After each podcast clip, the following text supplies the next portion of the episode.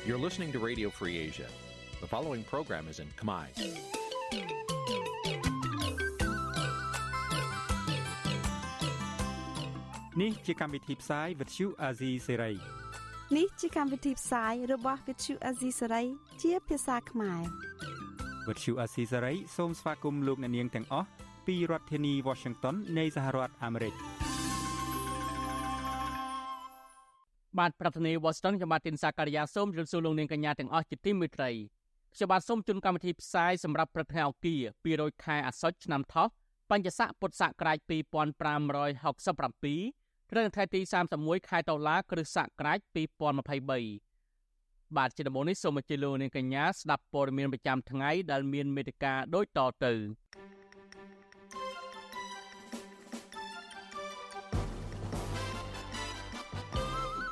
នឹងដំណំសកលវិទ្យាល័យជាតិគ្រប់គ្រងហៅនិស្សិតថតរូបឲ្យលោកកៅសវណ្ណរិទ្ធដែលតវ៉ានៅក្រសួងអប់រំទៅសួរនាំលោកមណាតអះអាងថាការដោះស្រាយចំនួននៅក្រៅប្រព័ន្ធតុលាការមានអនុភាពដោយសារក្រមតុលាការដែរ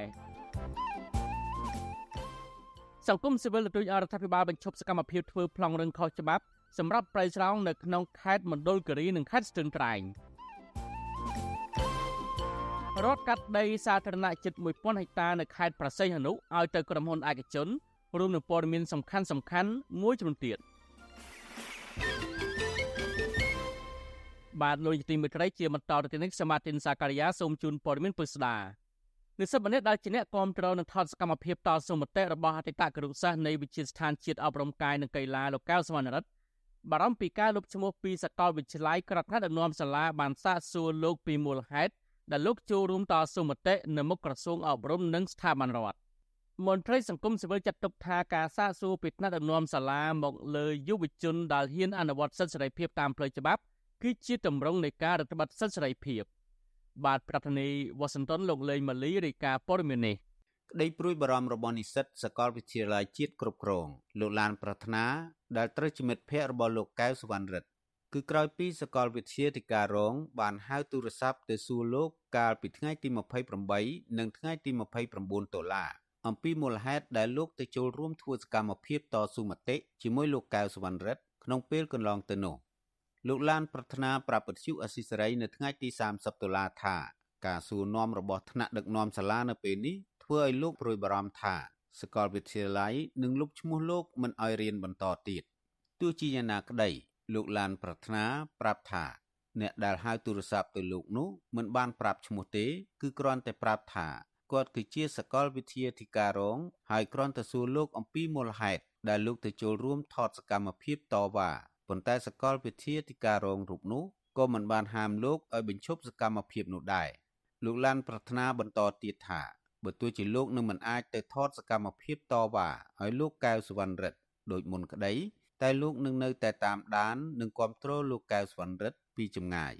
និយាយរួមទៅខ្លាចទាំងអស់បងដូចថាខ្លាចខាងសាលាគេរករឿងគេអាចលុបឈ្មោះយើងចេញពីសាលាអីចឹងក៏ខ្លាចបែបចឹងដែរដូចទៅខាងកៅសវណ្ណរិទ្ធហ្នឹងការចូលរួមម្ដងម្ដងគឺតែមានការភ័យខ្លាចជាប់ខ្លួនទាំងអស់បងដូចថាយកទៅបន្ថយហ៎បងខ្ញុំគិតថាវាជាសកម្មភាពមួយដែលត្រឹមត្រូវអត់ខុសច្បាប់អីទេវាធ្វើក្នុងគោលម្ដង គឺទាមទារក្នុងការរកយុទ្ធធម៌មិនមែនទៅធ្វើបំផ្លាញធ្វើឲ្យប៉ះពាល់ដល់ដណាទេបាទលោកឡានប្រាថ្នាឲ្យដឹងទៀតថាកន្លងមកលោកត្រូវបានអាជ្ញាធររាជធានីភ្នំពេញវាយលោកលើកទី1រហូតដល់សន្លប់និងលើកទី2អាជ្ញាធរក៏បានព្រួតវាយលោកឲ្យមានរបួសផងដែរលោកឡានប្រាថ្នាចាត់ទុកការប្រើហិង្សាមកលើលោកនិងលោកកៅសវណ្ណរដ្ឋថាមិនមែនជាការអនុវត្តច្បាប់នោះទេ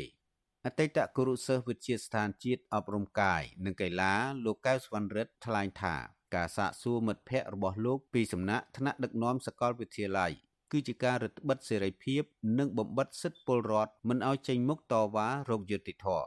ក៏ជាការគ្រប់សកលវិទ្យាល័យទាំងអស់អឺ មេត្តាពិចារណាឡើងវិញការចោទទូជាសំណួរបែបនេះធ្វើឲ្យគាត់ធ្វើឲ្យយុវជនមានភាពភ័យខ្លាចការសួរនេះគឺជ្រៀតជ្រែកទៅដល់សិទ្ធិបុគ្គលឯកជនផងដែរយើងដឹងហើយថាបុគ្គលឯកជនអាចមានសិទ្ធិធ្វើអីខ្លះទៅលើរឿងអីផ្សេងផ្សេងអញ្ចឹងយើងមិនចាំបាច់សួរពីគាត់ទេ នៅព្រឹកថ្ងៃទី30ដុល្លារលោកកៅសុវណ្ណរិទ្ធបន្តសកម្មភាពតស៊ូមតិចូលដល់សប្តាហ៍ទី12 ដោយធ្វើដំណើរទៅកាន់ក្រសួងអប់រំយុវជននិងកីឡាហើយលោកទទូចសារជាថ្មីទៅដល់មន្ត្រីអប់រំកាយនិងកីឡាឲ្យផ្ដល់ក្របខ័ណ្ឌឲ្យលោក និងអតីតគរុសិស្សផ្សេងទៀតក្រោយការឈរតវ៉ាមិនទទួលបានលទ្ធផលអ្វីលោកកៅសវណ្ណរិទ្ធធ្វើដំណើរបន្តទៅអគ្គស្នងការដ្ឋាននគរបាលជាតិដើម្បីសាកសួរអំពីលទ្ធផលនៃបណ្ដឹងរបស់លោកដែលអាជ្ញាធរខណ្ឌដូនពេញប្រើហិង្សាម្ដងហើយម្ដងទៀតលើរូបលោក និងអ្នកថតរូបលោក ទោះជាយ៉ាងណាក្តីលោកកែសវណ្ណរិទ្ធឲ្យដឹងថាបណ្ដឹងរបស់លោកនៅមិនទាន់មានចំណាត់ការនៅឡើយទេហើយមន្ត្រីនៃអគ្គស្នងការដ្ឋាននគរបាលជាតិអះអាងថាបណ្ដឹងរបស់លោកត្រូវបានបញ្ជូនទៅថ្នាក់លើហើយលោកកៅសវណ្ណរិទ្ធសោកស្ដាយដែលអាជ្ញាធរនៅតែពន្យាពេលដោះស្រាយបណ្ដឹងរបស់លោកខណៈដែលលោកបានដាក់បណ្ដឹងចាប់តាំងពីថ្ងៃទី12តុលាមកម្លេះខ្ញុំក៏ស្នើសុំដដែលដដែលដូចជាបញ្ហាទាំងអស់ហ្នឹងគឺខ្ញុំ ស្នើសុំឲ្យឯអាដាមបណ្ឌិតវិចារក្រសួងអប់រំហ្នឹងគាត់ការចេញបកស្រាយនៅបញ្ហាដែលបោកឲ្យខ្ញុំចូលរៀនរយៈពេល1ខែពេលដែលប្រើអស់សាច់ហើយក៏បែរជាលុបចេញវិញវិទ្យុអស៊ីសេរីមិនទាន់អាចសុំការឆ្លើយតបរឿងនេះពីអ្នកនាំពាក្យក្រសួងអប់រំលោកកាន់ពុទ្ធីនិងអ្នកនាំពាក្យអគ្គស្នងការដ្ឋាននគរបាលជាតិលោកឆាយកំខឿនបានទេ នៅថ្ងៃទី30តុលា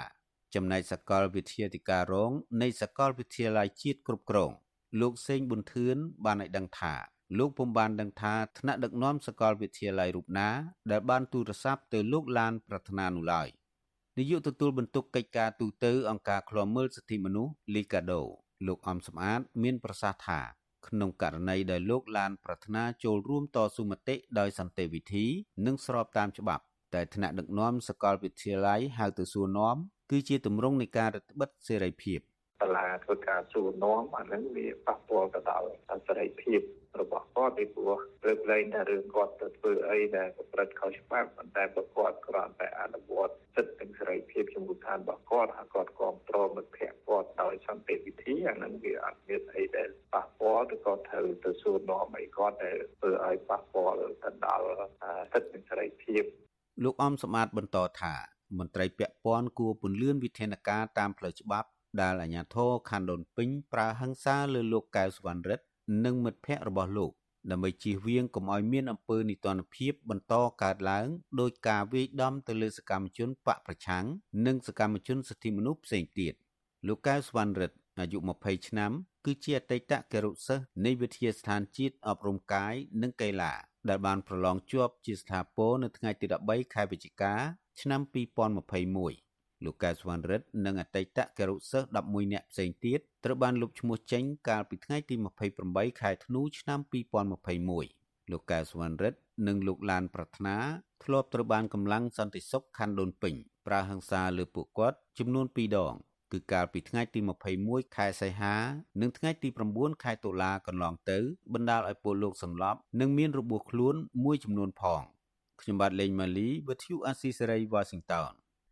បាទលោកនាយទីមេត្រីមន្ត្រីសង្គមស៊ីវិលមើលឃើញថារដ្ឋាភិបាលធូររលុងច្រើនក្នុងការបណ្ដាបណ្ដោយឲ្យមន្ត្រីសូរិយាដីមានសិទ្ធិធ្វើប្លង់រឹងក្នុងតំបន់ព្រៃស្រោងជាច្រើនពាន់ហិកតានៅក្នុងខេត្តមណ្ឌលគិរីនិងខេត្តស្ទឹងត្រែង ដែលខົບខិតជាមួយបកគលមានលុយនិងមានអំណាចពួកគេទទូចរដ្ឋាភិបាលបញ្ឈប់ទង្វើនេះនិងផ្ដន្ទាទោសមន្ត្រីខលខូចដែលប្រព្រឹត្តបទល្មើសខុសច្បាប់នេះជាបន្ទាន់មន្ត្រីអង្គការសង្គមស៊ីវិលសង្កេតឃើញថាការចង់ធ្វើប្លង់រឹងឬប្លង់កម្មសិទ្ធិក្នុងតំបន់ព្រៃស្រោងព្រៃពាកកណ្ដាលស្រោងព្រៃអភិរក្សនិងព្រៃសហគមន៍នៅតែកើតមានច្រើននៅក្នុងខេត្តមណ្ឌលគិរីនិងខេត្តស្ទឹងត្រែងដែលរដ្ឋាភិបាលគ្មានវិធានការទប់ស្កាត់បានឡើយទេមកទល់ពេលនេះ មន្ត្រីពង្រឹងសិទ្ធិអំណាចសហគមន៍មូលដ្ឋាននៃសមាគមការពារសិទ្ធិមនុស្សអាត6លោកប៉ែនបូណាប្រាប់វិទ្យុអាស៊ីសេរីនៅថ្ងៃទី30ដុល្លារថាគ្រាន់តែក្នុងឃុំបូស្រាស្រុកពេជ្រដាខេត្តមណ្ឌលគិរីព្រៃស្រោងយ៉ាងហោចណាស់ជាង1000ហិកតា មានប្លង់រឹងមិនប្រក្រតីដែលមន្ត្រីសូរិយាដីលួចធ្វើប្លង់ជាច្រើនឆ្នាំមកហើយខົບខិតជាមួយបកគលមានលុយមានអំណាចប៉ះចំព្រៃដាល់ចង្ជាតិដើមភាគតិចអាស្រ័យផល និងមានផ្នែកខ្លះទៀតជន់ចំតំបន់អភិរក្ស លោកបន្ថែមថាពលលោកមានភ័ស្តុតាងប្លង់រឹងទុច្ចរិតចំនួន6ប្លង់និងប្លង់រឹងជាច្រើនតំបន់ទៀតដែលអតីតប្រធានមន្ត្រីដែនដីខេត្តមណ្ឌលគិរីលោកឈឹមកានចុះហត្ថលេខាជន់លើប្រៃស្រោងខុសច្បាប់លោកស្នើអរដ្ឋាភិបាលស៊ើបអង្កេតករណីនេះនិងមុខភាពប្លង់រឹងមិនប្រក្រតីទាំងអស់ខណៈដែលតុលាការក៏មិនទាន់ចាត់វិធានការរឿងនេះនៅឡើយដែរ តាមតែខ្ញុំចុះទៅដល់ទីកន្លែងហ្នឹងគឺកន្លែងវាលរាប់ពាន់ហិកតានោះដែលជាដនពេលស្រោងហើយត្រូវគេបានកាប់រៀនថាគេសម្អាងលើប្លង់រឹងហើយរឿងហ្នឹងមិនមែនកើតនៅឃុំអ៊ូស្រាស្រុកមួយទេគ្រប់ទីកន្លែងទាំងអស់នៅពេលដែលប្លង់នឹងខ្លាយជាប្លង់ស្រោតប្រាប់ចឹងដីព្រៃភាគច្រើននឹងខ្លាយទៅជាកម្មសិទ្ធិរបស់បុគ្គលផ្ដាច់មុខដីព្រៃស្រោងត្រូវបានបំផ្លិចបំផ្លាញដោយសម្អាងលើប្លង់រឹងទុច្ចរិតទី3ដីបំរុងទុកសម្រាប់ផ្ដល់ជូនប្រជាពលរដ្ឋដែលក្រីក្រចុះបើគេយកអស់ហើយកន្លងទៅប្រជាសហគមន៍6នាក់និងមន្ត្រីសង្គមស៊ីវិលម្នាក់ទៀតបានប្តឹងបរិហាអាញាធរឃុំមួយរូបនិងអភិបាលរងខេត្តមណ្ឌលគិរីម្នាក់ទៀតគឺលោកឈឹមកាន ទៅតុលាការពីបទចេញបានកម្មសិទ្ធិដីធ្លីក្នុងតំបន់ប្រៃស្រង់ខុសច្បាប់ពួកគាត់រកឃើញថាតៃតាមេឃុំបូស្រាលោកកេងញ៉ាដែលបច្ចុប្បន្នជាជំទប់ទី2ឃុំបូស្រា និងលោកឈឹមកានអតីតប្រធានមន្ត្រីរៀបចំដែនដីខេត្តមណ្ឌលគិរីហើយបច្ចុប្បន្នជាអភិបាលរងខេត្តមណ្ឌលគិរីមានជាប់ពាក់ព័ន្ធនឹងការចេញវិញ្ញាបនបត្រសម្គាល់ម្ចាស់អចលនវត្ថុចំនួន6បានសាលាកបាត់ព័ត៌មានចំនួន4ច្បាប់ និងលិខិតទេសិទ្ធកាន់កាប់ដីធ្លីចំនួន4ច្បាប់លើគម្របដីព្រៃឈើស្ថិតនៅក្នុងដែនចម្រុះសត្វព្រៃភ្នំណាមលាឃុំបូស្រាស្រុកពេជ្រដាខេត្តមណ្ឌលគិរីមកទល់ពេលនេះសំណុំរឿងទាំងនេះបែរជាស្ងាត់ឈឹងទៅវិញ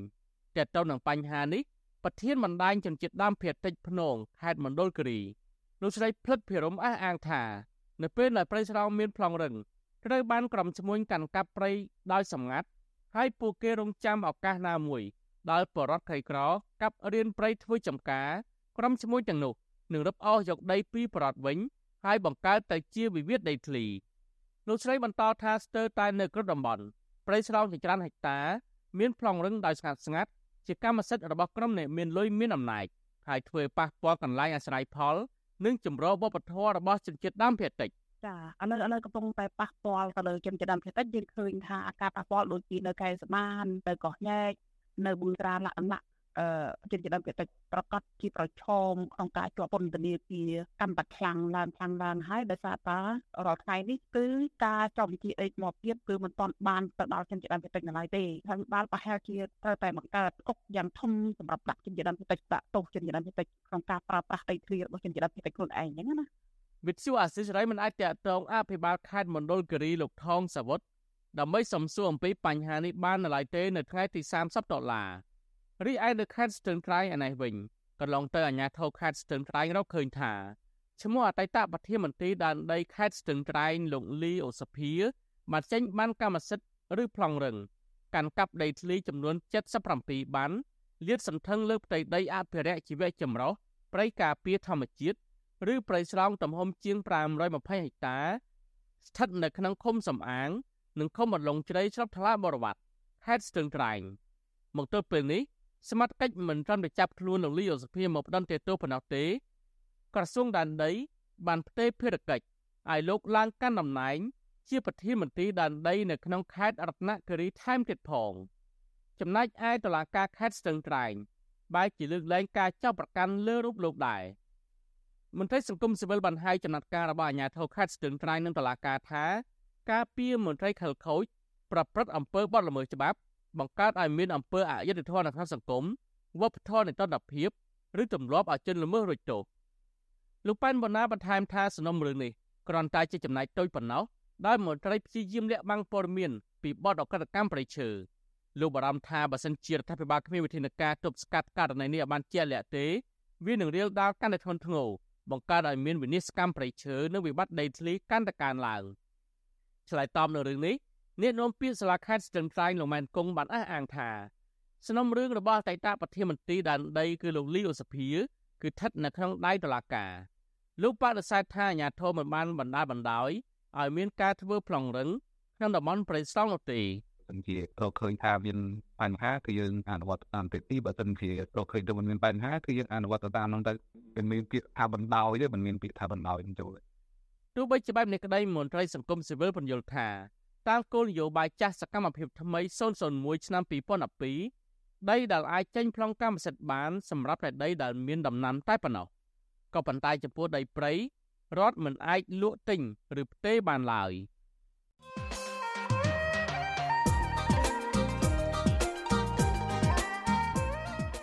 លោកអ្នកនាងជាទីមេត្រីគណៈបកភ្លើងទៀននឹងបើកកិច្ចប្រជុំសំខាន់មួយនៅថ្ងៃអង្គារទី31តុលានេះដើម្បីពិភាក្សានិងសម្រេចគាំទ្រយកគណៈបកណាមួយនៅក្នុងសម្ព័ន្ធភាពឆ្ពោះទៅអនាគតដើម្បីរៀបចំបញ្ជីឈរឈ្មោះសម្រាប់ការបោះឆ្នោតអសកលឆ្នាំ2024ខាងមុខបាទវេទិកាអ្នកស្ដាប់វិទ្យុអាស៊ីសេរីនៅយប់ថ្ងៃអង្គារទី31តុលានេះនឹងពិភាក្សាអំពីលទ្ធផលនៃកិច្ចប្រជុំរបស់គណៈបកភ្លើងទៀននេះ បាទប្រសិនបើលោកអ្នកនាងមានសំណួរចង់សួរវាគ្មិនរបស់យើងឬមួយក៏ចង់បញ្ចេញមតិយោបល់លោកអ្នកនាងអាចដាក់លេខទូរស័ព្ទរបស់លោកអ្នកនាងនៅក្នុងខ្ទង់ comment Facebook និង YouTube របស់ Vuthu Azizi Siri នៅពេលយើងកំពុងផ្សាយផ្ទាល់នោះបាទក្រុមការងាររបស់យើងនឹងហៅទៅលោកអ្នកនាងវិញ បាទសូមអរគុណ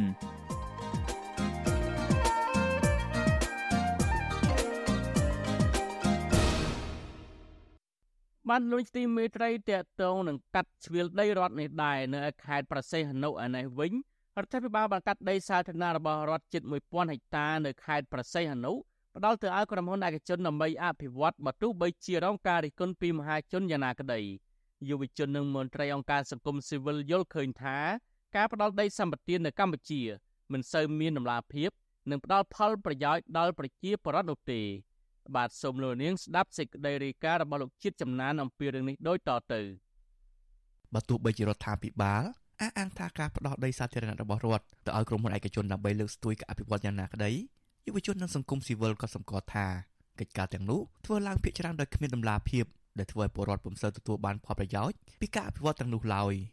ការលើកឡើងនេះបន្ទាប់ពីរដ្ឋាភិបាលបានកាត់ដីសាធារណៈរបស់រដ្ឋជិត800ហិកតាស្ថិតនៅឃុំទំនប់រលក ស្រុកស្ទឹងហាវខេត្តព្រះសីហនុក្នុងនោះដីជាង600ហិកតាឲ្យទៅក្រុមហ៊ុន C99 International Investment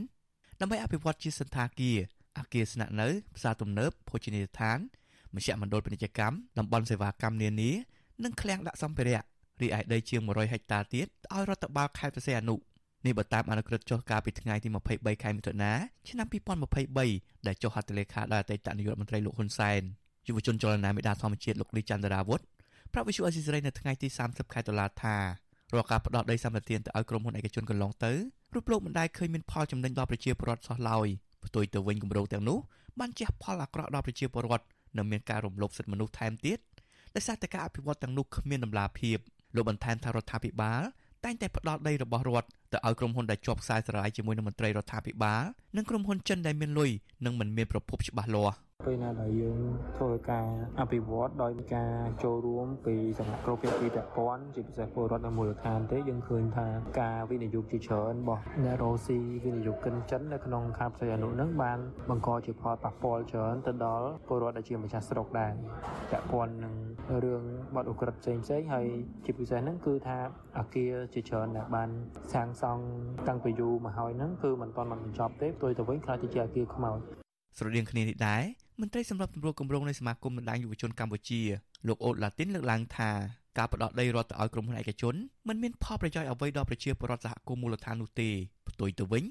វាធ្វើឲ្យប៉ះពាល់ដល់ពលរដ្ឋនិងធ្វើឲ្យបាត់បង់សក្តានុពលតំបន់ទេសចរថែមទៀតផងលោកបន្ថែមថារដ្ឋាភិបាលត្រូវតែសិក្សាតំបន់ផ្សេងក្រៅពីតំបន់ទេសចរនិងតំបន់ការពារធនធានធម្មជាតិ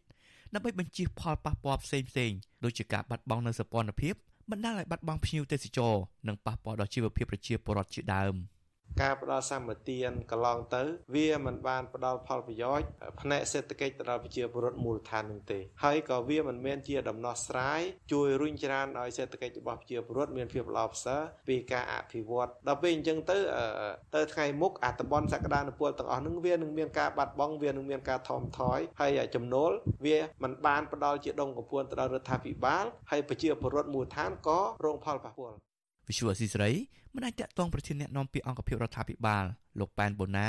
និងអភិបាលខេត្តប្រសេអនុលោកគូចចម្រើនដើម្បីសូមអត្ថាធិប្បាយជុំវិញបញ្ហានេះបានទេនៅថ្ងៃទី30ខែតុលាដោយទូរស័ព្ទចូលជាច្រើនដងតែគ្មានអ្នកទទួលចំណែកឯតំណាងក្រុមហ៊ុន C99 International Investment ក៏មិនអាចតាក់ទងបានដែរនៅថ្ងៃដដែលនេះជួយរឿងនេះអ្នកសម្របសម្រួលគម្រោងធុរកិច្ចនិងសិទ្ធិមនុស្សរបស់មជ្ឈមណ្ឌលសិទ្ធិមនុស្សកម្ពុជាលោកវ៉ាន់សុផាតយល់ឃើញថាប្រសិនបើគម្រោងអភិវឌ្ឍទាំងនោះ ធ្វើឡើងប្រកបដោយនិរន្តរភាពពិតប្រាកដមែននោះប្រជាពលរដ្ឋនៅតំបន់នោះនឹងទទួលបានផលប្រយោជន៍ច្រើនពីវិស័យផ្សេងផ្សេងលោកបន្ថែមថារាល់ការអភិវឌ្ឍទាំងអស់ត្រូវតែមានការវិតម្លៃពីផលប៉ះពាល់ឲ្យបានត្រឹមត្រូវនិងផ្សព្វផ្សាយពីការវិតម្លៃនោះជាសាធារណៈប្រសិនបើមិនបានអនុវត្តទៅតាមគោលការណ៍ទាំងអស់នោះទេគឺជារឿងខុសច្បាប់ អញ្ចឹងយើងបារម្ភថាតិចទៀតទៅអស់មានដីរដ្ឋណាដីរដ្ឋក៏អស់ដីប្រជាពលរដ្ឋក៏អស់ដល់អញ្ចឹងទៅវាคล้ายទៅជាដីក្រុមហ៊ុនវាคล้ายទៅជាដីរបស់ធុរកិច្ចទាំងអស់អញ្ចឹងវាធ្វើឲ្យប្រជាពលរដ្ឋយើងហើយនឹងរដ្ឋយើងនឹងคล้ายទៅជាអ្នកដែលគ្មានដីហើយคล้ายទៅជាអ្នកដែលជីវភាពកាន់តែដុនដាបទៅហើយនឹងមានចំណាក់ស្រុកហើយនឹងការដាក់សន្តិសុខសង្គមដោយសារតែ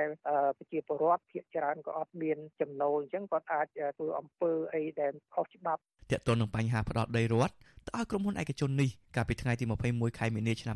2023អតីតនាយករដ្ឋមន្ត្រីលោកហ៊ុនសែនក៏បានកាត់ដីនិងជួលដីអូសៀនជាតិសមុទ្រកោះរ៉ុងជិត1000ហិកតាទៅឲ្យក្រុមហ៊ុន Imario Shonan Marine Corporation និងក្រុមហ៊ុន U Property Management ដែលជាក្រុមហ៊ុនរបស់កូនប្រុសលោកយឹមឆៃលីគឺលោកយឹមលាក់ដើម្បីធ្វើការអភិវឌ្ឍលោកយឹមឆៃលីគឺជានន្លងរបស់លោកហ៊ុនសែនដែលត្រូវជាឪពុកក្មេករបស់លោកហ៊ុនម៉ាណីរដ្ឋមន្ត្រីក្រសួងការងារសាធារណៈ បច្ចុប្បន្នលោកយឹមឆៃលីក៏ជាឧត្តមក្រុមប្រឹក្សាផ្ទាល់ព្រះមហាក្សត្រដែលមានឋានៈស្មើនឹងឧបនាយករដ្ឋមន្ត្រីខ្ញុំបាទចិត្តចំណាន Visual Society ប្រធានាទី Washington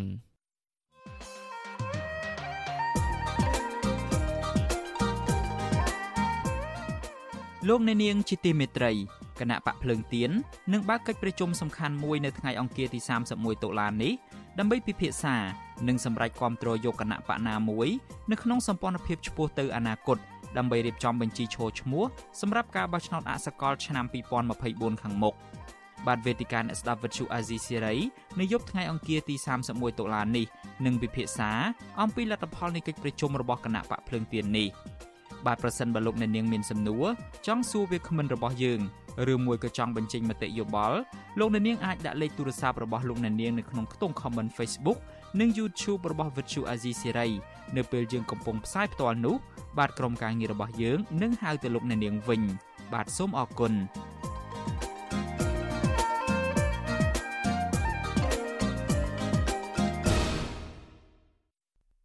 បានលួចទីមេត្រីឪពុកម្ដាយសិស្សមួយចំនួនបារម្ភពីកូនកូនរបស់ពួកគាត់លេងទូរស័ព្ទច្រើន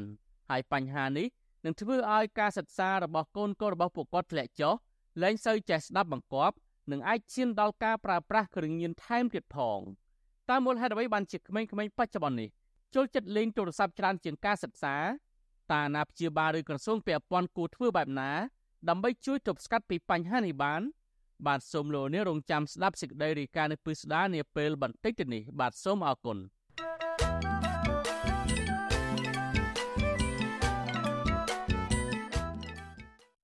បានលោកជាទីមេត្រីក្រសួងយុទ្ធភ័ពបានទទួលពាក្យបណ្ដឹងរបស់អតីតប្រធានអង្គការមូលនិធិទ្រទ្រង់អរិយធម៌ខ្មែរលោកមឿងសុនកាលពីថ្ងៃទី30ដុល្លារម្សិលមិញដែលលោកបានស្នើសុំឲ្យក្រសួងយុទ្ធភ័ពជួយរកយុទ្ធភ័ពជូនលោកក្នុងរឿងឈ្មោះដីគឺអ្នកស្រីទួនចន្ទ្រារំលោភយកដីកម្មសិទ្ធិរបស់លោកនិងប្តឹងលោកទៅតុលាការថែមទៀតផងលិខិតរបស់មេធាវីការពារក្តីឲ្យលោកមឿងសុនគឺលោកសេកសុភ័ណ្ឌបានដាក់ស្នើសុំអន្តរាគមពីរដ្ឋមន្ត្រីក្រសួងយុទ្ធភ័ពលោកកដរិទ្ធ ទៅអាយកាអមចរបងខេត្តព្រះវិហារដែលផ្អាប់ទុកសំណុំរឿងរបស់លោកពុំចាត់ការជាង4ខែមកហើយលិខិតដដាលនេះបានចាត់ទុកករណីពន្យាពេលរបស់តុលាការខេត្តព្រះវិហារថាជាការអស់ពេលវេលាយូរហួសប្រក្រតីដែលផ្ដល់ឱកាសឲ្យសកម្មភាពល្មើសបន្តកើតឡើងរហូតមកដល់សប្តាហ៍នេះលោកមេធាវីសេចសុភ័ណ្ឌបន្តថាលោកបានដាក់ពាក្យប្តឹងផ្ទាល់ទៅតំណាងអัยការសំអាងតាមអង្គហេតុបទល្មើសជាក់ស្ដែង ក៏ប៉ុន្តែមិនទាន់មានចំណាត់ការតាមនីតិវិធីថាតម្កល់ឬបញ្ជូនរឿងទៅស៊ើបសួរឬជំរះផ្ទាល់តាមនីតិវិធីនោះទេលោកសង្កត់ធ្ងន់ថាភាពមិនប្រក្រតីនេះបានកើតឡើងទោះជាលោកបានដាក់ពាក្យសុំដល់តំណាងអัยការសុំធ្វើការចោទប្រកាន់រួចហើយក៏ដោយក៏ខាងអัยការមិនមានចំណាត់ការតាមនីតិវិធីដែរទោះជាយ៉ាងណាថ្មីថ្មីនេះឈ្មោះដីនៃស្រីទូនចន្ទ្រាត្រូវបានអាជ្ញាធរចាប់ខ្លួនពាក់ព័ន្ធនឹងរឿងទំនាស់ដីធ្លីដាច់ដោយឡែកផ្សេងទៀត លោកមឿងសុនឲ្យវិទ្យុអាស៊ីសេរីដឹងកាលពីថ្ងៃទី30ដុល្លារពីប្រទេសបារាំងថាលោកទទួលបានដំណឹងថាឈ្មោះដីអ្នកស្រីទួនចន្ទ្រាត្រូវបានអាជ្ញាធរព្រះវិហារចាប់ខ្លួនបញ្ជូនទៅតុលាការករណីឈ្មោះដីរំនេះនាំបាក់ពួកឈូសឆាយបំផ្លាញផ្ទះបរដ្ឋ9ខ្នងនៅស្រុកគូលែនខេត្តព្រះវិហារកាលពីថ្ងៃទី16ដុល្លារលោកមឿងសុនបន្តថាករណីនេះវាប្រហាក់ប្រហែលនឹងករណីរបស់លោកដែរដែលឈ្មោះដីរំនេះ ពុំខ្លាចច្បាប់ហើយបំពេញលើលោកលោកមឿនសុនបញ្ជាក់ថាចំពោះសំណុំរឿងរបស់លោកទោះបីជាសាលាឧទ្ធរត្បូងឃ្មុំបានចេញសារក្រមបង្គាប់ឲ្យអ្នកស្រីទួនចន្ទ្រាចេញពីដីជាង15ហិកតារបស់លោកដែលជាកម្មសិទ្ធិរបស់លោកយ៉ាងណាក្តីក៏អ្នកស្រីទួនចន្ទ្រាពុំធ្វើតាមដែរសូមឲ្យឯកឧត្តមរដ្ឋមន្ត្រីហ្នឹងជួយធ្វើអន្តរាគមន៍ពីចំណុចទី1គឺសូមឲ្យគាត់ ពិនិត្យមើលតឡាការសាលាដំបងព្រះវិហារហ្នឹងដែលប៉ុន្មានទៅចិត្តទុកដាក់លើពាក្យបណ្ដឹងព្រមត្តនដែលពួកខ្ញុំបានបណ្ដឹងទៅលើក្រុមអ្នកស្រីទួនចន្ទ្រាកាន់កាប់ដីខ្ញុំហ្នឹងដោយខុសច្បាប់ហ្នឹងហើយទី2ទៀតគឺសូមឲ្យតឡាការសាលាដំបងព្រះវិហារហ្នឹងធ្វើមិនបញ្លឿនឲ្យអនុវត្តសានក្រមឲ្យបុគ្គលនឹងចេញពីដី របស់ខ្ញុំពីព្រោះវាចំជិតមួយឆ្នាំហើយដែលសានក្រមរបស់សាលាអូតូចេញឲ្យត្រូវឲ្យគ្រូអ្នកស្រីជួនចន្ទទ្រាចេញពីដីក៏ប៉ុន្តែគាត់អត់ព្រមចេញទៅអសោះគាត់មិនគោរពគាត់មិនខ្លាចនឹងសានក្រមតឡាការផងវិទ្យុអសិរ័យពុំអាចតកតងលោកស្រីទុនចន្ទ្រាដើម្បីសំសួរអំពីបញ្ហានេះបាននៅឡើយទេកាលពីថ្ងៃទី30ដុល្លារខណៈដែលលោកស្រីទួនចន្ទ្រាកំពុងស្ថិតនៅក្រោមនីតិវិធីរបស់តុលាការខេត្តព្រះវិហារ ក្រោយពីអ្នកស្រីនិងបពពួក5នាក់ត្រូវបានតុលាការចាប់ខ្លួនពីបទបំផ្លាញផ្ទះបរដ្ឋ9ខ្នងក្នុងបំណងដណ្ដើមយកដីបរដ្ឋធ្វើជាកម្មសិទ្ធិអតីតប្រធានអង្គការមូលនិធិទ្រទ្រង់អរិយធម៌ខ្មែរលោកមឿងសុនធ្លាប់ចូលរួមលើកស្ទួយវិស័យទេសចរយ៉ាងសកម្មនៅកម្ពុជាពីឆ្នាំ2008រហូតដល់ឆ្នាំ2015លោកក៏ធ្លាប់ជាអតីតសមាជិកសភាពាណិជ្ជកម្មរាជធានីភ្នំពេញក្នុងទសវត្សរ៍ឆ្នាំ1990ដែរ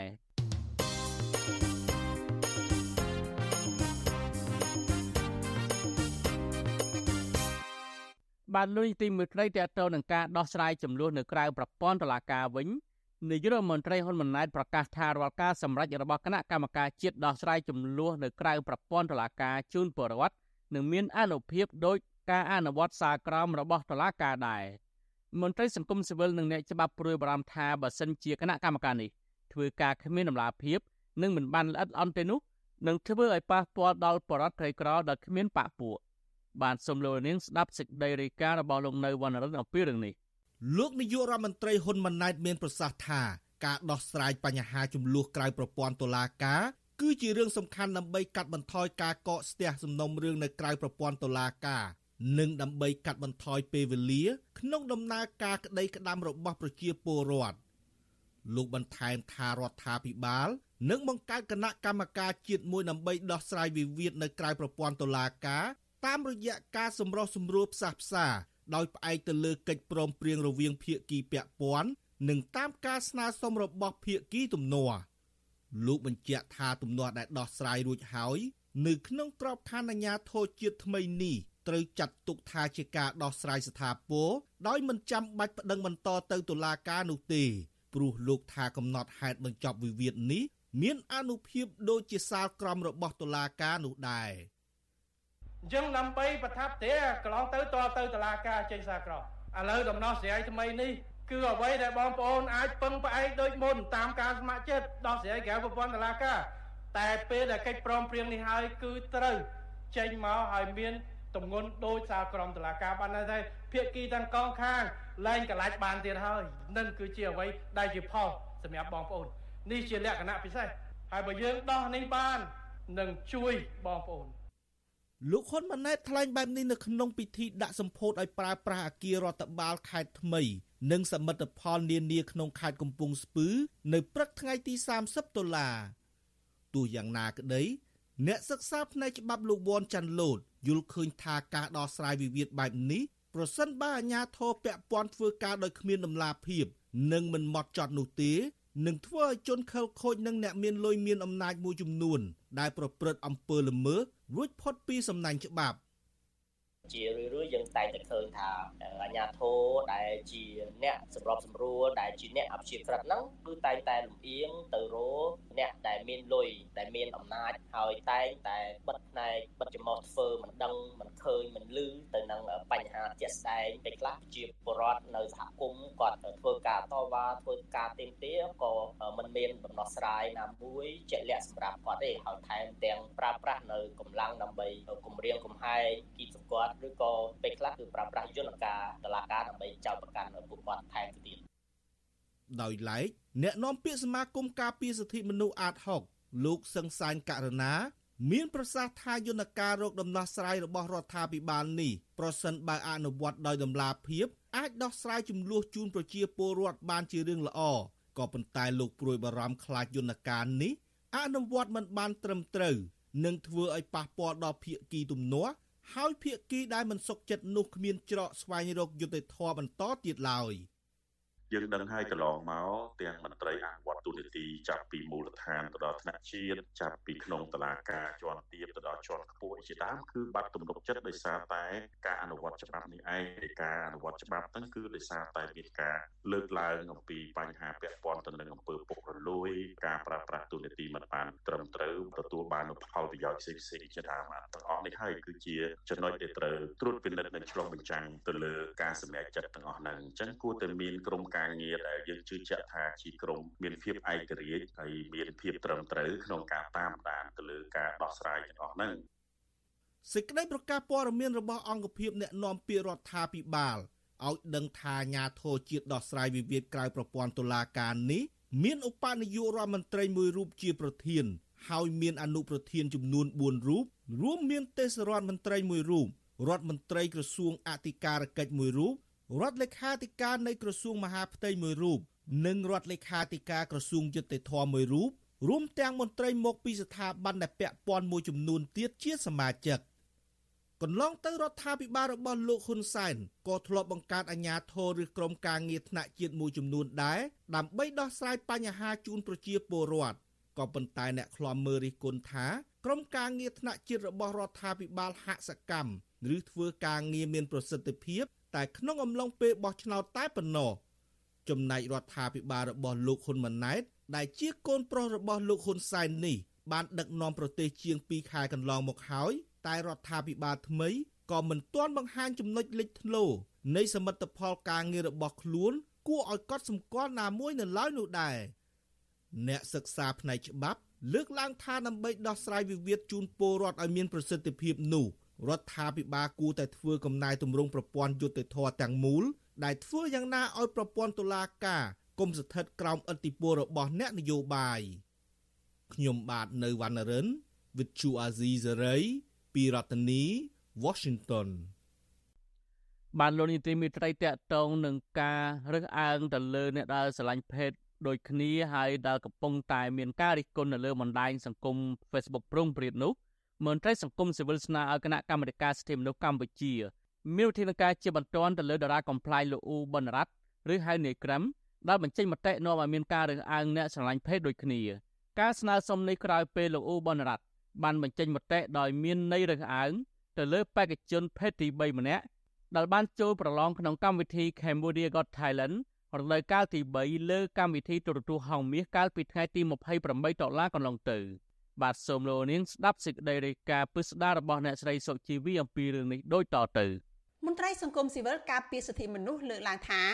អញ្ញាធរត្រូវលើកកម្ពស់ការផ្សព្វផ្សាយពីសិទ្ធិអ្នកស្រឡាញ់ភេទដូចគ្នាឲ្យបានទូលំទូលាយនិងមានវិធានការបន្ទាន់ចំពោះអ្នកផ្សព្វផ្សាយឲ្យមានការរើសអើងទៅកាន់ក្រុមដែលងាយរងគ្រោះទាំងនេះនាយកផ្នែកតស៊ូមតិនៃមជ្ឈមណ្ឌលសិទ្ធិមនុស្សកម្ពុជាលោកសួនយុធាប្រាប់វិទ្យុអាស៊ីសេរីកាលពីថ្ងៃទី30ខែតុលាថា អាជ្ញាធរគួរមានវិធានការណែនាំជាបន្ទាន់ចំពោះការនិយាយជាសាធារណៈដែលនាំឲ្យមានការរើសអើងអ្នកស្រឡាញ់ភេទដូចគ្នាលោកបន្ថែមថាក្នុងនាមជាបុគ្គលសាធារណៈនិងជាតារាកំ pl ែងដែលល្បីល្បាញនាយក្រមគួរតែនិយាយជំរុញឲ្យមានការគោរពសិទ្ធិមនុស្សជាជាងនិយាយនាំឲ្យមានការស្អប់អ្នកស្រឡាញ់ភេទដូចគ្នាដែលត្រូវការពារដោយសិទ្ធិមនុស្សអន្តរជាតិ។ ទាហរណ៍ថាបើសិនជាឪពុកម្ដាយដែលមានកូនដែលជាអ្នកស្រឡាញ់ភេទនឹងកំពុងតែមើលដែរអញ្ចឹងគាត់គាត់មានការអអន់សពុនចិត្តជាមួយនឹងកូនគាត់គាត់អាចប្រាប់ទៅកូនគាត់ថាឃើញអត់ធ្វើជាអ្នកស្រឡាញ់ភេទដូចគ្នាគឺគេមើលងាយអញ្ចឹងតាំងពីក្នុងវិស័យសិល្បៈក៏គេមើលងាយដែរដែលអ្វីទាំងអស់ហ្នឹងធ្វើឲ្យនាំនឹងភាពអាម៉ាស់មកដល់គ្រួសារនេះគឺជាផលប៉ះពាល់មួយធ្ងន់ធ្ងរជាពិសេសទៅដល់សតិអារម្មណ៍របស់ក្រុមគ្រួសារដែលមានបុគ្គលដែលជាអ្នកស្រឡាញ់ភេទដូចគ្នានឹង ស្រដៀងគ្នានេះអង្គការសហគមន៍អិនតនូដែលធ្វើការលើកកម្ពស់សិទ្ធិអ្នកស្រឡាញ់ភេទដូចគ្នាបានដាក់លិខិតមួយទៅប្រធានគណៈកម្មាធិការសិទ្ធិមនុស្សរបស់រដ្ឋាភិបាលលោកកៅរេមីកាលពីថ្ងៃទី29ខែតុលាស្នើឲ្យគណៈកម្មាធិការនេះហៅតារាកំ pl ែងជើងចាស់លោកអ៊ូពុនរ៉ាត់ហៅនាយក្រឹមឲ្យបំភ្លឺជុំវិញការបញ្ចេញមតិដែលនាំឲ្យប៉ះពាល់ដល់សេចក្តីថ្លៃថ្នូររបស់អ្នកស្រឡាញ់ភេទដូចគ្នាប្រតិកម្មរបស់មន្ត្រីសិទ្ធិមនុស្សនិងអង្គការសង្គមស៊ីវិលបែបនេះ ធ្វើឡើងបន្ទាប់ពីលោកអ៊ូប៉ុនរ៉ាត់ហៅនីក្រឹមដែលមានតួនាទីជាគណៈកម្មការនៅក្នុងកម្មវិធី Cambodia's Got Talent រដូវកាលទី3លើកម្មវិធីទូរទស្សន៍ហងមាសកាលពីថ្ងៃទី28ខែតុលាបានបញ្ចេញមតិដោយមានន័យឬអើងទៅលើបេក្ខជនភេទទី3ម្នាក់ដែលបានចូលប្រឡងនៅក្នុងកម្មវិធីនេះ បងចង់និយាយថាបើសិនជាមានច្រើនណាវាតាមធម្មជាតិអាហ្នឹងយើងត្រូវតែធីខែហើយណាវាទុកមិនបានទេធម្មជាតិចេញមកវាត្រូវតែកាត់គម្រឹះអើងក៏ប៉ុន្តែបើសិនជាមានច្រើនក៏យើងពិបាកធនធានមនុស្សដែរបងចង់និយាយចឹងណាបាទព្រោះថាអ្នកណាកើតមកកូនខ្ទួយគឺមកមានមានតែកើតហើយសិនមិនទៅជាខ្ទួយក្រោយក្រោយពីនាយក្រមបានបញ្ចេញមតិដូចនេះអ្នកស្រឡាញ់ភេទដូចគ្នានិងអ្នកធ្វើការលើកកម្ពស់សមភាព និងសមភាព gender ជាច្រើនអ្នកបានសម្ដែងការមិនពេញចិត្តនៅលើបណ្ដាញសង្គម Facebook ពួកគេលើកឡើងថាការបញ្ចេញមតិរបស់នាយក្រមនេះឆ្លុះបញ្ចាំងថានាយក្រមមិនមានចំណេះដឹងអំពីសិទ្ធិមនុស្សនោះឡើយហើយសម្ដីទាំងនោះបានធ្វើប៉ះទង្គិចផ្លូវចិត្តធ្ងន់ធ្ងរទៅដល់អ្នកស្រឡាញ់ភេទដូចគ្នាផងដែរវិទ្យុអាស៊ីសេរីមិនអាចតាក់ទងប្រធានគណៈកម្មាធិការសិទ្ធិមនុស្សរបស់រដ្ឋាភិបាលលោកកៅរីមីដើម្បីបកស្រាយជុំវិញរឿងនេះបាននៅឡើយទេនៅថ្ងៃទី30ខែតុលាទោះជាយ៉ាងណាលោកបានឆ្លើយតបចំពោះលិខិតរបស់អង្គការសហគមន៍អន្តរជាតិ នៅលើទំព័រ Facebook កាលពីថ្ងៃទី29ខែតុលាថាលោកបានទទួលលិខិតរបស់អង្គការសហគមន៍អន្តរជាតិរួចហើយហើយក៏បានចាត់ឲ្យក្រុមការងារធ្វើកិច្ចការនេះរួចហើយដែរជុំវិញរឿងនេះអ្នកស្រឡាញ់ភេទដូចគ្នាម្នាក់ថ្លែងសុំមិនបញ្ចេញឈ្មោះដោយខ្លាចក្រុមគ្រួសារដឹងអត្តសញ្ញាណប្រាប់វិទ្យុអាស៊ីសេរីថាលោកកាន់តែប្រឈមនឹងការស្ដីបន្ទោសពីគ្រួសារនិងមិត្តភ័ក្តិដោយសារតែលោកស្រឡាញ់ភេទដូចគ្នាបន្ទាប់ពីនាយក្រមបញ្ចេញមតិនៅលើកញ្ចក់ទូរទស្សន៍លោកបន្ថែមថា ការស្រឡាញ់ភេទដូចគ្នាគឺជាធម្មជាតិរបស់មនុស្សម្នាក់ម្នាក់មិនមែនជាការផ្លាស់ប្ដូរទៅតាមអាយុដោយការលើកឡើងរបស់នាយក្រមនោះឡើយហើយលោកសនំពរឲ្យបុគ្គលសាធារណៈគួរស្វែងយល់ឲ្យបានច្បាស់អំពីសិទ្ធិអ្នកស្រឡាញ់ភេទដូចគ្នាមុននឹងបញ្ចេញមតិអំពីបញ្ហានេះនៅទីសាធារណៈវិទ្យុអាស៊ីសេរីមិនអាចតាក់ទងលោកអ៊ូប៉ុនរ៉ាត់ហៅនីក្រឹមដើម្បីបកស្រាយជុំវិញរឿងនេះបាននៅឡើយទេ នៅថ្ងៃទី30ខែតុលា បើទោះជាអ្នកស្រឡាញ់ភេទដូចគ្នាមិនត្រូវបានការការពារឬក៏ទទួលស្គាល់ដោយច្បាប់កម្ពុជាក្តីប៉ុន្តែមាត្រា31រដ្ឋធម្មនុញ្ញចែងថាពលរដ្ឋខ្មែរគ្រប់រូបមានករណីយកិច្ចនិងសិទ្ធិស្មើគ្នាចំពោះមុខច្បាប់លើសពីនេះមាត្រា1នៃសេចក្តីប្រកាសជាសកលស្តីពីសិទ្ធិមនុស្សចែងថាបុគ្គលគ្រប់រូបរាប់ទាំងបុគ្គលស្រឡាញ់ភេទដូចគ្នាបុគ្គលស្រឡាញ់ទាំងពីរភេទបុគ្គលបដូរភេទមានសិទ្ធិសេរីភាពនិងសេចក្តីថ្លៃថ្នូរដោយបុគ្គលដទៃទៀត ដោយមិនមានការបែងចែកណាមួយឡើយមន្ត្រីសង្គមស៊ីវិលលើកឡើងថាក្នុងនាមជាតារាកំ pl ែងដែលមានភាពល្បីល្បាញនេះក្រុមមុននឹងនិយាយជាសាធារណៈគួរស្វែងយល់ឲ្យបានច្បាស់អំពីសិទ្ធិអ្នកស្រឡាញ់ភេទដូចគ្នា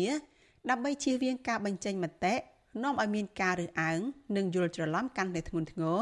ទៅលើអ្នកស្រឡាញ់ភេទដូចគ្នាខណៈពួកគេ នៅតែប្រឈមការរើសអើងនៅកន្លែងការងារនិងក្នុងសហគមន៍ដែលពួកគេកំពុងរស់នៅ នាងខ្ញុំសុជីវីវិទ្យុអាស៊ីសេរីពីរដ្ឋធានី Washington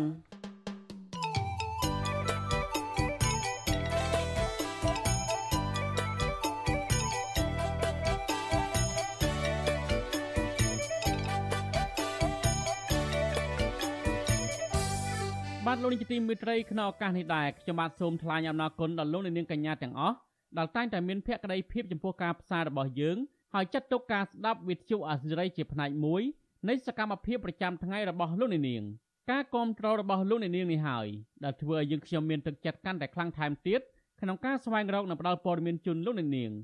មានអ្នកស្ដាប់មានអ្នកទស្សនាកាន់តែច្រើនកាន់តែធ្វើឲ្យយើងខ្ញុំមានភាពស្វាហាប់មោះមុតជាបន្តទៅទៀតយើងខ្ញុំសូមអរគុណទុកជាមុនហើយសូមអញ្ជើញលោកនាងកញ្ញាចូលរួមជំរុញឲ្យសកម្មភាពផ្តល់ព័ត៌មានរបស់យើងនេះកាន់តែជោគជ័យបន្ថែមទៀត លោកនាងអាចជួយយើងខ្ញុំបានដោយគ្រាន់តែចុចចែករំលែកឬ share ការផ្សាយរបស់យើងនៅលើបណ្ដាញសង្គម Facebook និង YouTube ទៅកាន់មិត្តភ័ក្តិដើម្បីឲ្យការផ្សាយរបស់យើងបានទៅដល់មនុស្សកាន់តែច្រើន សូមអរគុណ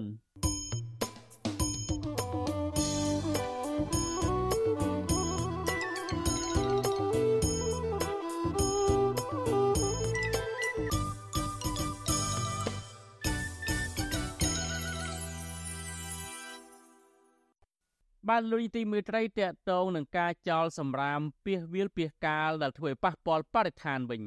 មន្ត្រីអង្គការសង្គមស៊ីវិលលើកឡើងថាទម្លាប់ចោលសម្រាមនៅតាមទីសាធារណៈជាពិសេសក្នុងតំបន់ទេសចររបស់ប្រជាពលរដ្ឋខ្មែរគឺមិនមែនជារឿងតូចតាចដែលអាជ្ញាធរបន្តមើលរំលងទៀតទេ ពីព្រោះទម្លាប់មួយនេះនឹងធ្វើឲ្យប៉ះពាល់ដល់មុខមាត់សង្គមជាតិ ពួកគេស្នើរដ្ឋាភិបាលគួរដាក់ចេញនូវយន្តការចុះអប់រំដល់ប្រជាពលរដ្ឋឲ្យបានយល់ដឹងពីបញ្ហាសំរាមនិងកាត់បន្ថយការប្រើប្រាស់ថង់ប្លាស្ទិក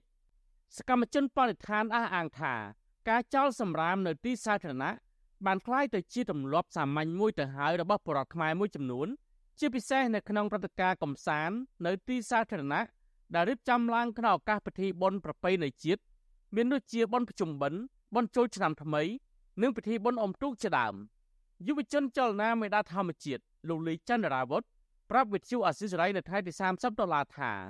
មូលហេតុដែលធ្វើឲ្យប្រជាពលរដ្ឋនិយមបោះចោលសម្រាមពីវាលពីកាលគឺជាភាពធូររលុងរបស់អាជ្ញាធរក្នុងការអនុវត្តច្បាប់ចំពោះអ្នកចោលសម្រាមនៅទីសាធារណៈដែលរដ្ឋាភិបាលកម្ពុជា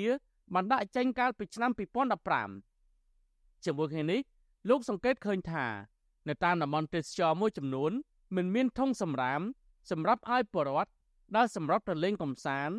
យកសម្រាមទៅទុកដាក់ឲ្យបានត្រឹមត្រូវនោះទេទើបបណ្ដាលឲ្យពួកគាត់ចោលសម្រាមពីវាលពីកាលដូចនេះ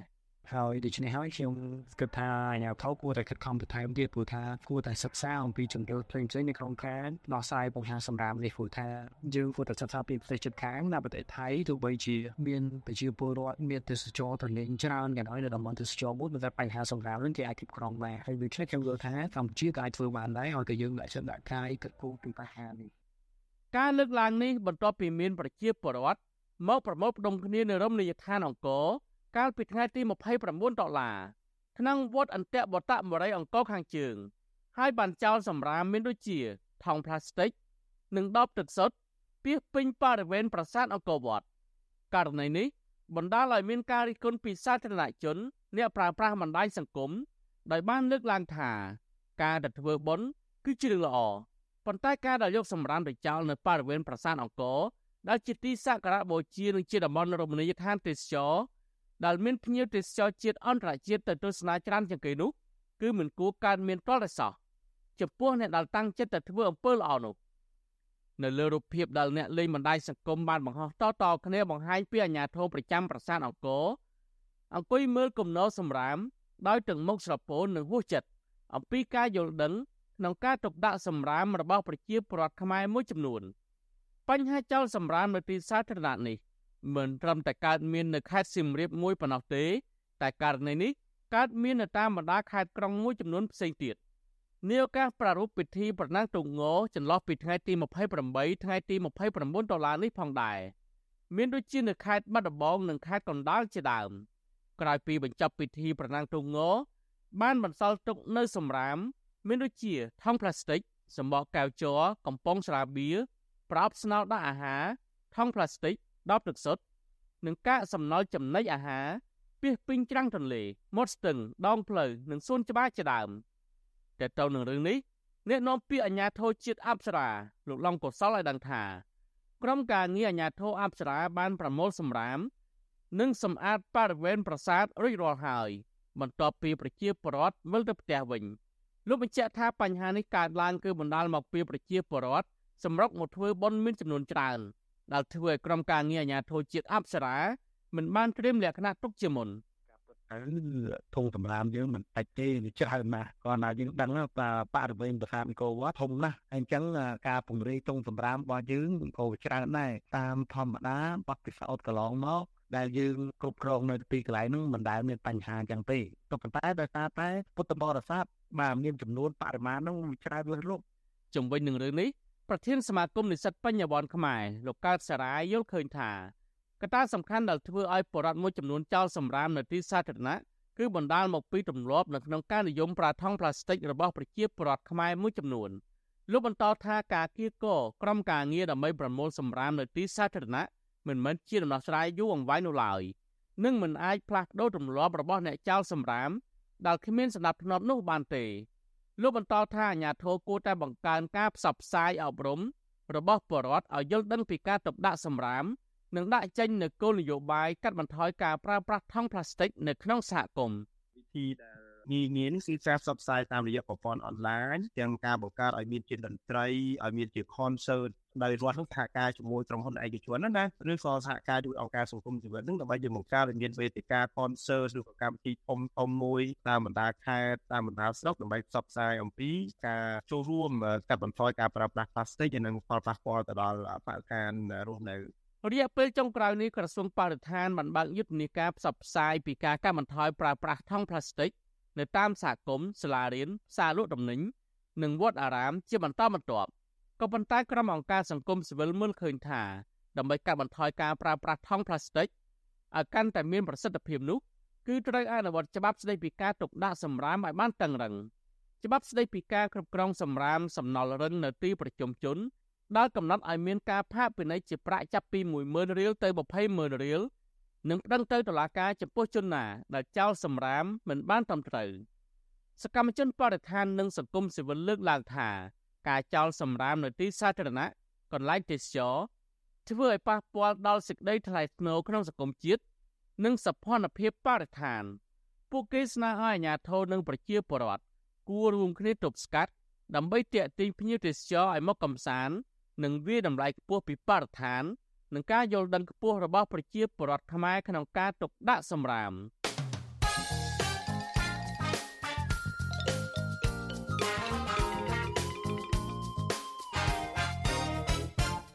បាទលោកនីតិមិត្តរីតេតងនឹងរឿងកូនសិស្សដែលជក់លេងទូរស័ព្ទច្រើនជាងការសិក្សាវិញ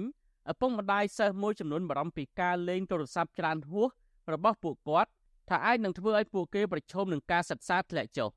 ហើយលែងចេះស្ដាប់បង្គាប់និងអាចឈានដល់ការប្រើប្រាស់គ្រឿងញៀនពួកគាត់ស្នើក្រសួងពាក់ព័ន្ធនិងរដ្ឋាភិបាលបង្កើនការយកចិត្តទុកដាក់ពង្រឹងការអប់រំនិងរកទីផ្សារការងារជូនពួកគេ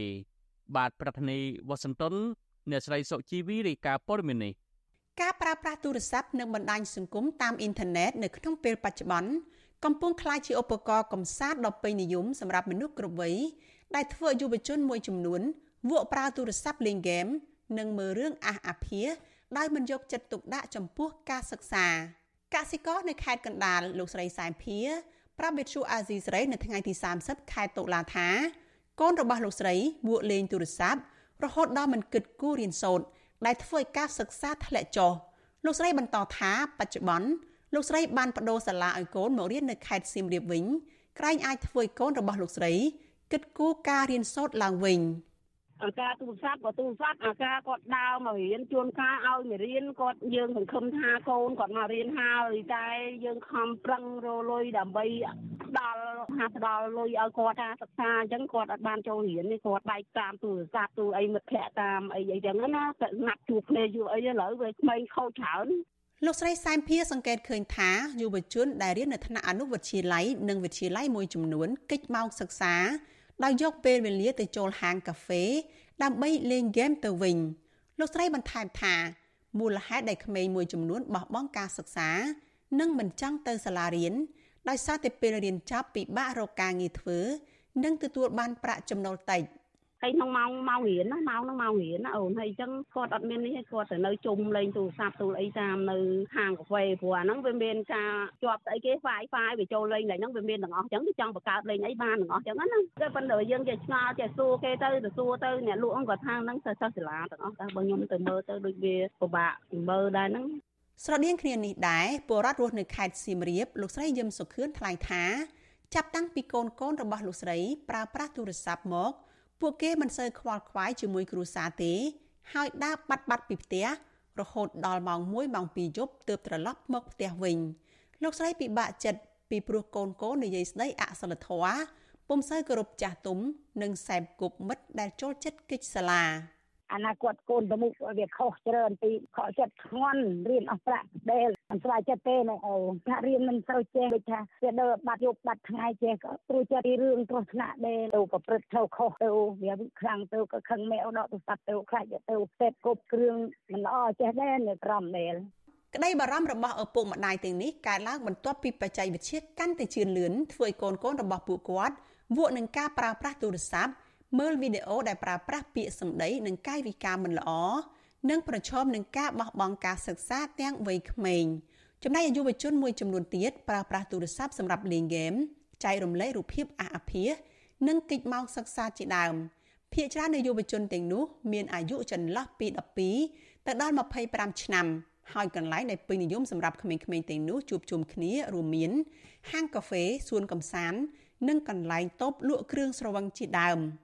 តែទិនបញ្ហានេះប្រធានសមាគមគ្រូបង្រៀនកម្ពុជាឯករាជ្យអ្នកស្រីអុកឆាយាវីសង្កេតឃើញថា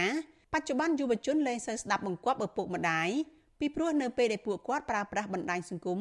ពួកគាត់មើលឃើញពីការសបាយការសែបគ្រឿងញៀនគ្រឿងស្រវឹងคล้ายជារឿងធម្មតាដូច្នេះអ្នកស្រីថានៅពេលដែលយុវជនទទួលបានការអប់រំតាមបណ្ដាញសង្គមដែលអវិជ្ជមាន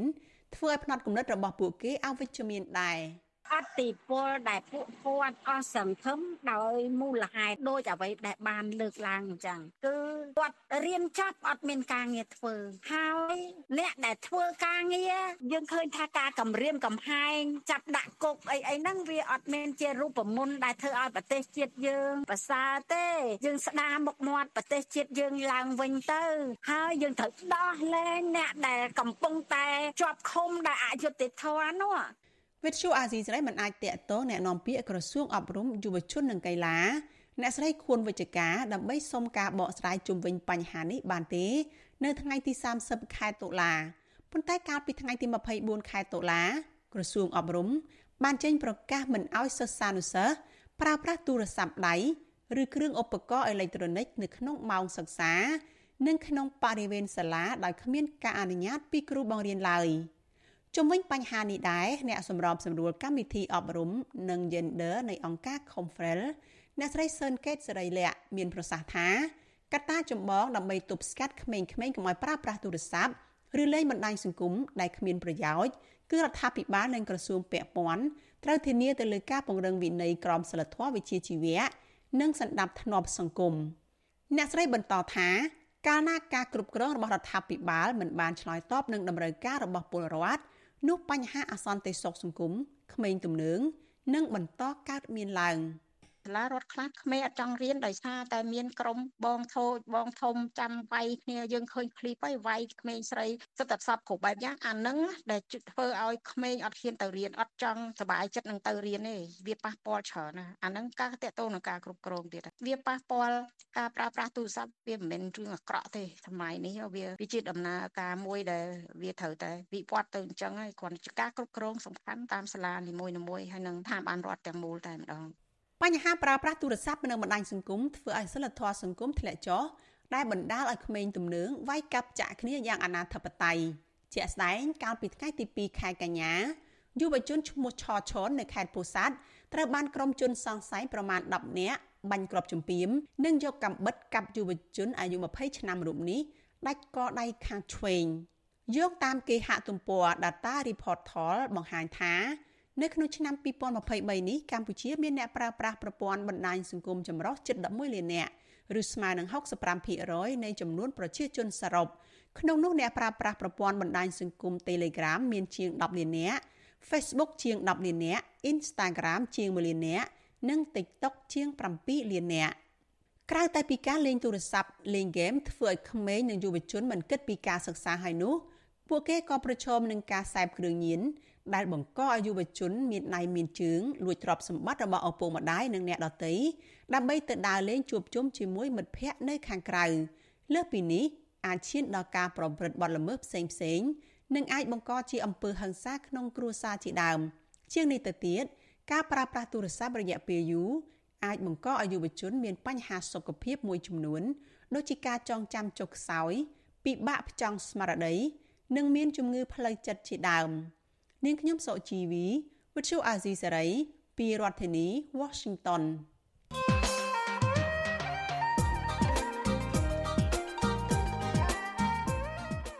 លោកអ្នកនាងជាទីមេត្រីគណៈបកភ្លើងទៀននឹងបើកកិច្ចប្រជុំសំខាន់មួយនៅថ្ងៃអង្គារទី31តុលានេះដើម្បីពិភាក្សា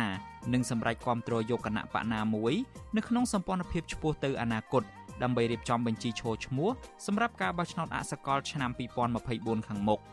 បាទវេទិកាអ្នកស្ដាប់វិទ្យុអាស៊ីសេរីនៅយប់ថ្ងៃអង្គារទី31តុលានេះនឹងពិភាក្សាអំពីលទ្ធផលនៃកិច្ចប្រជុំរបស់គណៈបកភ្លើងទៀននេះបាទប្រសិនបើលោកអ្នកនាងមានសំណួរចង់សួរវាគ្មិនរបស់យើងឬមួយក៏ចង់បញ្ចេញមតិយោបល់លោកអ្នកនាងអាចដាក់លេខទូរស័ព្ទរបស់លោកអ្នកនាងនៅក្នុងខ្ទង់ comment Facebook និង YouTube របស់ Vuthu Azizi Serai នៅពេលយើងកំពុងផ្សាយផ្ទាល់នោះបាទក្រុមការងាររបស់យើងនឹងហៅទៅលោកអ្នកនាងវិញ បាទសូមអរគុណ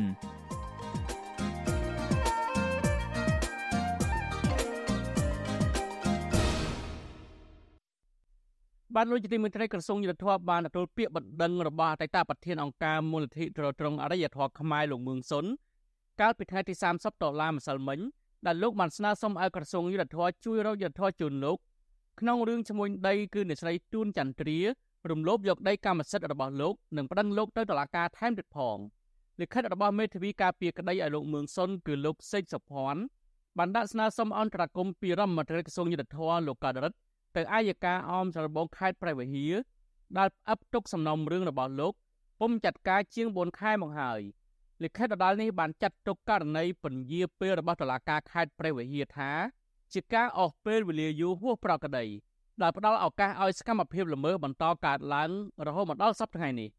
លោកមេធាវីសេចសុភ័ណ្ឌបន្តថាលោកបានដាក់ពាក្យប្តឹងផ្ទាល់ទៅតំណាងអัยការសំអាងតាមអង្គហេតុបទល្មើសជាក់ស្ដែងក៏ប៉ុន្តែមិនទាន់មានចំណាត់ការតាមនីតិវិធីថាតម្កល់ឬបញ្ជូនរឿងទៅស៊ើបសួរឬជំរះផ្ទាល់តាមនីតិវិធីនោះទេលោកសង្កត់ធ្ងន់ថាភាពមិនប្រក្រតីនេះបានកើតឡើងទោះជាលោកបានដាក់ពាក្យសុំដល់តំណាងអัยការ សុំធ្វើការចោទប្រកាន់រួចហើយក៏ដោយក៏ខាងអัยការមិនមានចំណាត់ការតាមនីតិវិធីដែរទោះជាយ៉ាងណាថ្មីថ្មីនេះឈ្មោះដីនៃស្រីទូនចន្ទ្រាត្រូវបានអាជ្ញាធរចាប់ខ្លួនពាក់ព័ន្ធនឹងរឿងទំនាស់ដីធ្លីដាច់ដោយឡែកផ្សេងទៀតលោកមឿងសុនឲ្យវិទ្យុអាស៊ីសេរីដឹងកាលពីថ្ងៃទី30ដុល្លារពីប្រទេសបារាំងថាលោកទទួលបានដំណឹងថាឈ្មោះដីអ្នកស្រីទួនចន្ទ្រាត្រូវបានអាជ្ញាធរព្រះវិហារចាប់ខ្លួនបញ្ជូនទៅតុលាការករណីឈ្មោះដីរំនេះ នាំបាក់ពួកឈូសឆាយបំផ្លាញផ្ទះបរដ្ឋ9ខ្នង នៅស្រុកគូលែនខេត្តព្រះវិហារកាលពីថ្ងៃទី16ដុល្លារលោកមឿងសុនបន្តថាករណីនេះវាប្រហាក់ប្រហែលនឹងករណីរបស់លោកដែរដែលឈ្មោះដីរំនេះពុំខ្លាចច្បាប់ហើយបំពេញលើលោកលោកមឿនសុនបញ្ជាក់ថាចំពោះសំណុំរឿងរបស់លោកទោះបីជាសាលាឧទ្ធរត្បូងឃ្មុំបានចេញសារក្រមបង្គាប់ឲ្យអ្នកស្រីទួនចន្ទ្រាចេញពីដីជាង15ហិកតារបស់លោកដែលជាកម្មសិទ្ធិរបស់លោកយ៉ាងណាក្តី ក៏អ្នកស្រីទួនចន្ទ្រាពុំធ្វើតាមដែរវិទ្យុអសិរ័យពុំអាចតាក់ទងលោកស្រីទួនចន្ទ្រាដើម្បីសំសួរអំពីបញ្ហានេះបាននៅឡើយទេកាលពីថ្ងៃទី30ដុល្លារខណៈដែលលោកស្រីទួនចន្ទ្រាកំពុងស្ថិតនៅក្រោមនីតិវិធីរបស់តុលាការខេត្តព្រះវិហារក្រោយពីអ្នកស្រីនិងប៉ាក់ពួក5នាក់ត្រូវបានតុលាការចាប់ខ្លួនពីបទបំផ្លាញផ្ទះបរដ្ឋ9ខ្នងក្នុងបំណងដណ្ដើមយកដីបរដ្ឋធ្វើជាកម្មសិទ្ធិអតីតប្រធានអង្គការមូលនិធិទ្រទ្រង់អរិយធម៌ខ្មែរលោកមឿងសុន ធ្លាប់ចូលរួមលើកស្ទួយវិស័យទេសចរយ៉ាងសកម្មនៅកម្ពុជាពីឆ្នាំ2008រហូតដល់ឆ្នាំ2015លោកក៏ធ្លាប់ជាអតីតសមាជិកសភាពាណិជ្ជកម្មរាជធានីភ្នំពេញក្នុងទសវត្សរ៍ឆ្នាំ1990ដែរ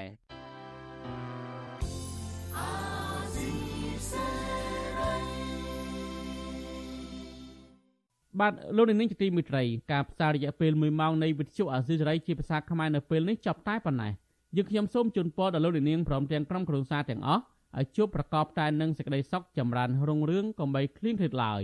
ខ្ញុំបាទទីនសាករិយាព្រមទាំងក្រុមការងារទាំងអស់នៃវិទ្យុអាស៊ីសេរីសូមអរគុណនិងសូមជម្រាបលា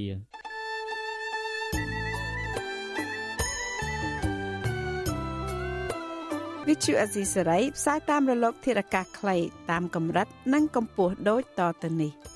ពេលព្រឹកចាប់ពីម៉ោង5កន្លះដល់ម៉ោង6កន្លះ តាមរយៈប៉ុស SW 93.90 MHz ស្មើនឹងកម្ពស់ 32m និងប៉ុស SW 11.85 MHz ស្មើនឹងកម្ពស់ 25m ពេលយប់ចាប់ពីម៉ោង7កន្លះដល់ម៉ោង8កន្លះតាមរយៈប៉ុស SW 93.30 MHz ស្មើនឹងកម្ពស់ 32m ប៉ុស SW 11.88 MHz ស្មើនឹងកម្ពស់ 25m និងប៉ុស SW 15.15 MHz ស្មើនឹងកម្ពស់ 20m លោកអ្នកនាងក៏អាចស្ដាប់និងទស្សនាការផ្សាយផ្ទាល់នៅលើគេហទំព័រ Visual Asia សេរីតាមរយៈអាសយដ្ឋាន rfa.org/ ខ្មែរ ក្រៅពីនេះលោកអ្នកនាងក៏អាចអាននិងទស្សនាព័ត៌មានវិទ្យុអាស៊ីសេរីលើទូរស័ព្ទដៃរបស់លោកអ្នកនាងផ្ទាល់សូមអញ្ជើញលោកអ្នកនាងដំឡើងកម្មវិធីវិទ្យុអាស៊ីសេរីនៅលើទូរស័ព្ទដៃរបស់លោកអ្នកនាងឬស្វែងរកវិទ្យុអាស៊ីសេរីនៅលើ YouTube ឬ Facebook ដោយស្វែងរកពាក្យថាវិទ្យុអាស៊ីសេរីឬ RFA ខ្មែរសូមលោកអ្នកនាងចុច like follow និងចុច subscribe ដើម្បីទទួលបានព័ត៌មានថ្មីៗតាន់ហេតុការណ៍ និងទស្សនាវីដេអូផ្សេងៗទៀតបានគ្រប់ពេលវេលាយើងខ្ញុំសូមជូនពរដល់លោកអ្នកនាងព្រមទាំងក្រុមគ្រួសារទាំងអស់ឲ្យជួបប្រកបតែនឹងសេចក្តីសុខសេចក្តីចម្រើនរុងរឿងកុំបីឃ្លៀងឃ្លាតឡើយ